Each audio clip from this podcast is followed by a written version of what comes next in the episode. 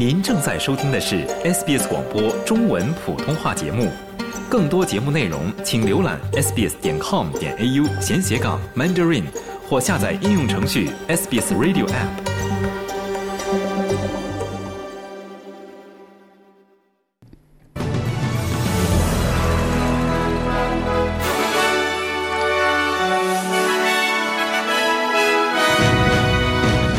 投资性房地产的税制改革将成为本周两党的主要议题。达顿称，一旦联盟党获胜，他将废除下班失联法案。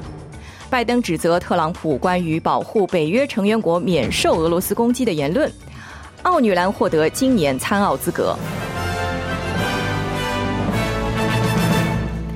下面请听新闻的详细内容。总理安东尼·阿尔巴尼斯和反对党领袖彼得·达顿都面临着改革投资性房地产税收优惠政策的压力。随着联邦议会又一个会议期的开始，税制改革似乎将成为辩论的主要议题。绿党提议限制负资产负债率规则，即允许投资者在亏损时申请减税，每人只能拥有一处投资房产。然而，政府和反对党都排除了这一可能性。达顿表示，目前这种情况正在影响生产力，因为这降低了人们努力工作的积极性。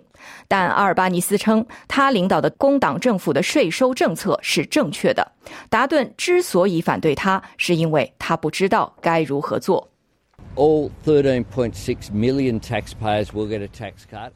所有一千三百六十万纳税人都将获得减税，百分之八十四的澳大利亚人将获得更高的减税。彼得·达顿只想谈论正在发生的事情，而他也想谈谈没有发生的事情。他希望澳大利亚人工作时间更长，而收入更少。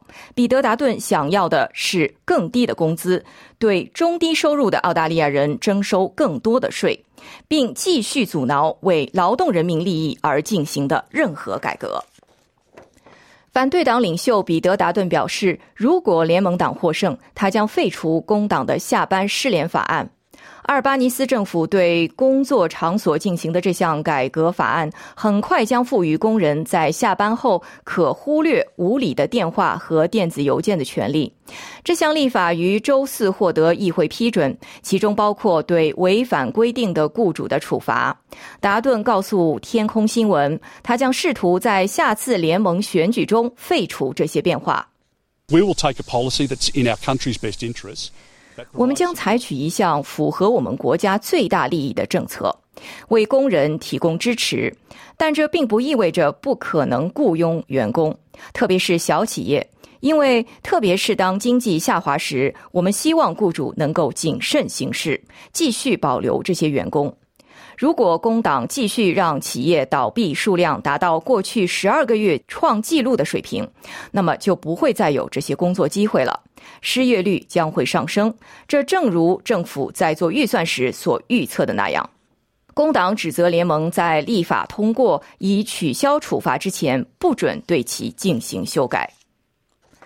澳大利亚经济本周将再次成为关注焦点，届时将公布一系列。重要的最新统计数据，澳大利亚统计局将于周四公布最新的劳动力数据。目前的失业率为百分之三点九。澳大利亚国民银行将于周二公布月度私营部门商业调查报告。西太平洋银行和墨尔本研究所的月度消费者信心指数也将于周二公布。储备银行高级官员玛丽恩·科勒将于周二在澳大利亚商业经济学家年度预测会议上发表讲话。储备银行官员的公开讲话将受到密切关注，以了解他们对经济的评估以及可能的利率轨迹。在维多利亚州小镇巴拉瑞特搜寻失踪女性萨曼莎·墨菲的行动已进入第九天。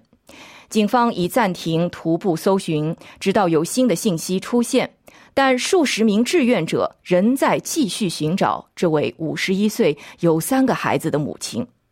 莫菲在二月四号清晨离家慢跑，此后再未出现过。莫菲经常在偏僻地段长途慢跑，警方表示，失踪事件中没有明显的危险因素，但他们非常担心墨菲的安危。联邦基础设施部长凯瑟琳金是该地区的首席检察官。他说，当地社区意识到寻找墨菲的工作有多么艰难。他们所经历的地形非常的困难，这是一片丛林。我们都喜欢在这儿，但我们知道这有多难。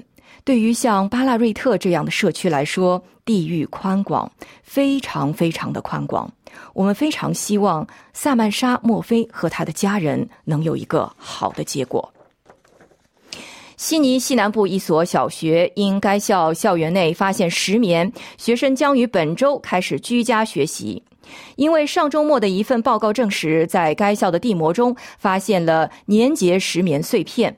Liverpool West 公立学校的学生将于今明两天进行远程学习。新南威尔士州环境保护局表示，该局正全天候工作，以确保学校社区安全。最近，在悉尼其他地方的地膜中也发现了含有粘结石棉的回收地膜，这些地膜来自同一个供应商，其中包括与该市内西区臭名昭著的罗泽尔立交桥路段有关的地块。这些地点也不得不暂时关闭。您正在收听的是 SBS 中文普通话节目。下面让我们来关注更多来自国际方面的消息。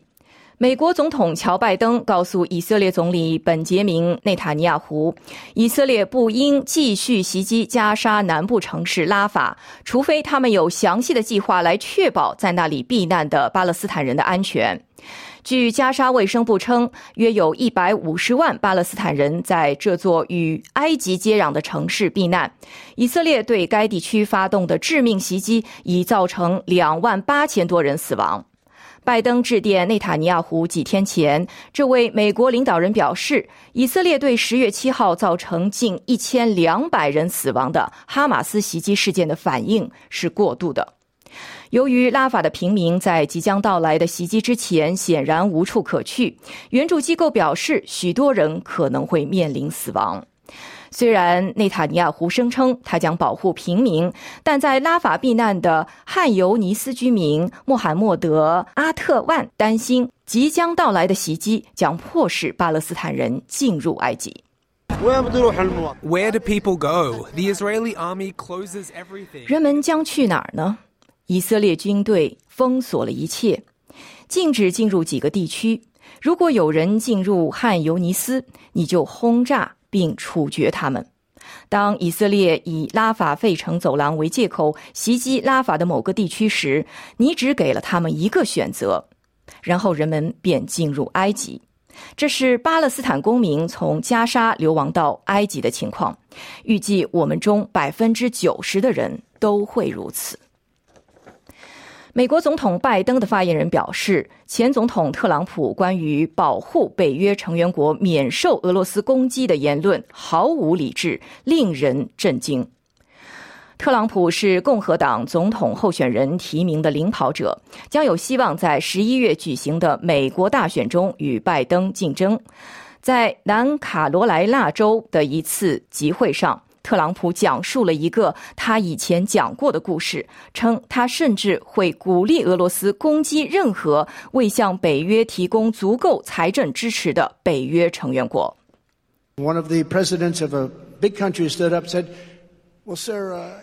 一个大国的总统站起来说：“先生，如果我们在不付钱的情况下遭到俄罗斯的攻击，你会保护我们吗？”我说：“你们没交钱，你们欠款了。”他说：“是的。”我说：“如果发生这种情况，不，我们不会保护你们。事实上，我会鼓励他们为所欲为。你得付钱，你必须付钱。之后，钱就不断进账了。根据北约条约第五条，如果一个北约国家受到攻击，所有其他北约国家都必须伸出援手。特朗普在担任美国总统期间削减了对北约的拨款，并经常抱怨美国提供的财长支持超过了其应承担的份额。据信，尼日利亚最大银行之一的首席执行官已于上周末在美国沙漠的一次夜间直升机坠毁事故中丧生。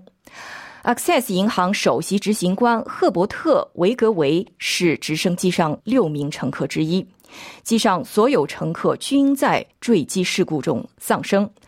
事故发生在内华达州西部的沙漠中，离加利福尼亚州边界不远处。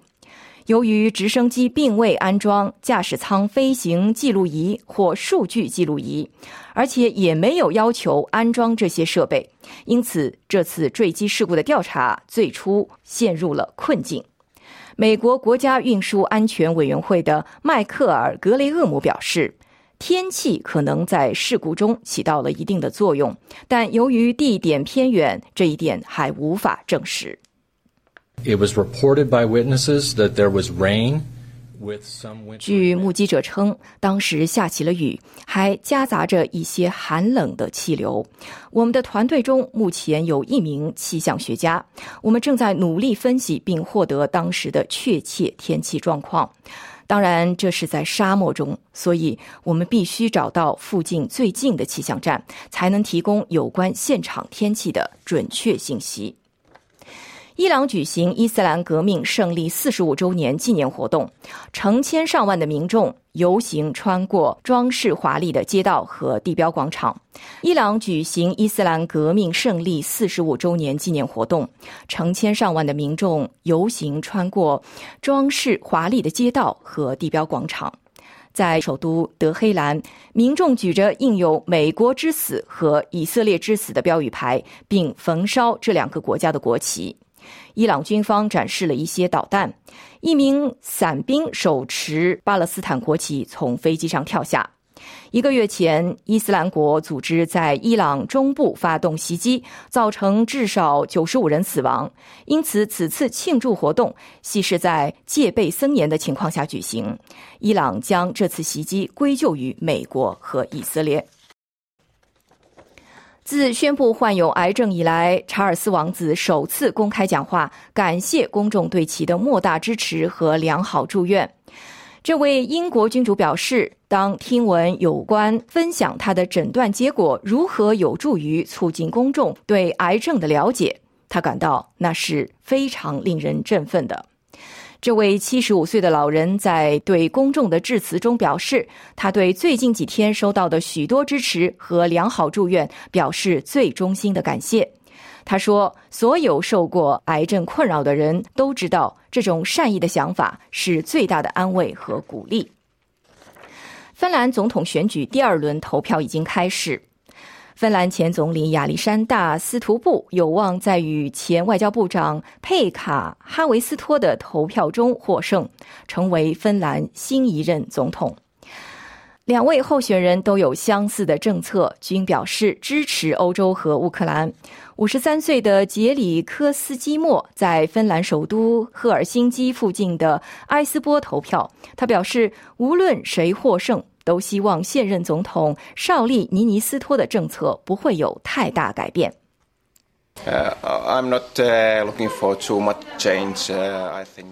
我不希望有太大的变化。我认为现任总统尼尼斯托做得很好。我希望过去几年实施的政策不会有太大的变化。在竞争激烈的大选后存在不确定性的情况下，被监禁的巴基斯坦反对派领袖伊姆兰·汗所在的政党所支持的候选人将组建政府。汗和他的主要竞争对手连任三届的前总理纳瓦茨·谢里夫均于周五宣布获胜，这增加了谁将组建下一届政府的不确定性。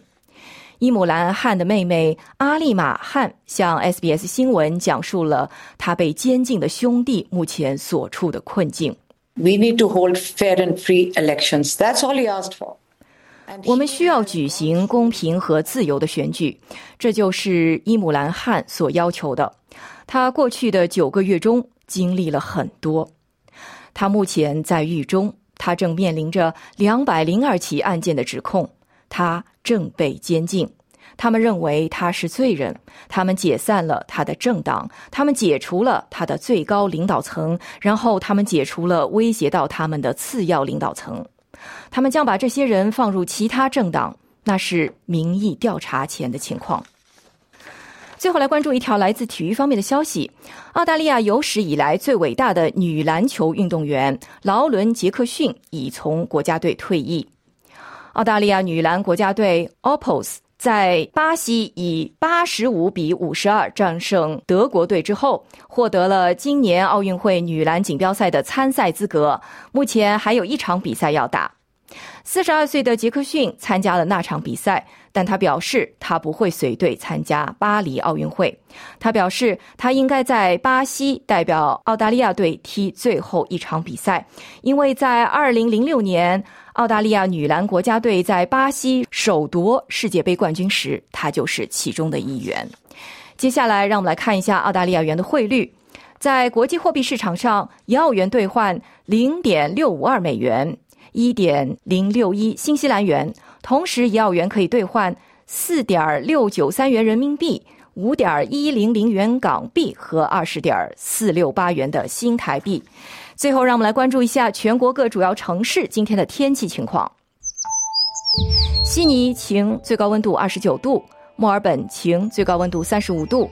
布里斯班阵雨，最高温度三十度；堪培拉晴，最高温度三十度；阿德莱德晴，最高温度三十八度；珀斯晴，最高温度三十四度；达尔文阵雨可能有暴雨，最高温度三十一度；霍巴特局部多云，最高温度二十八度。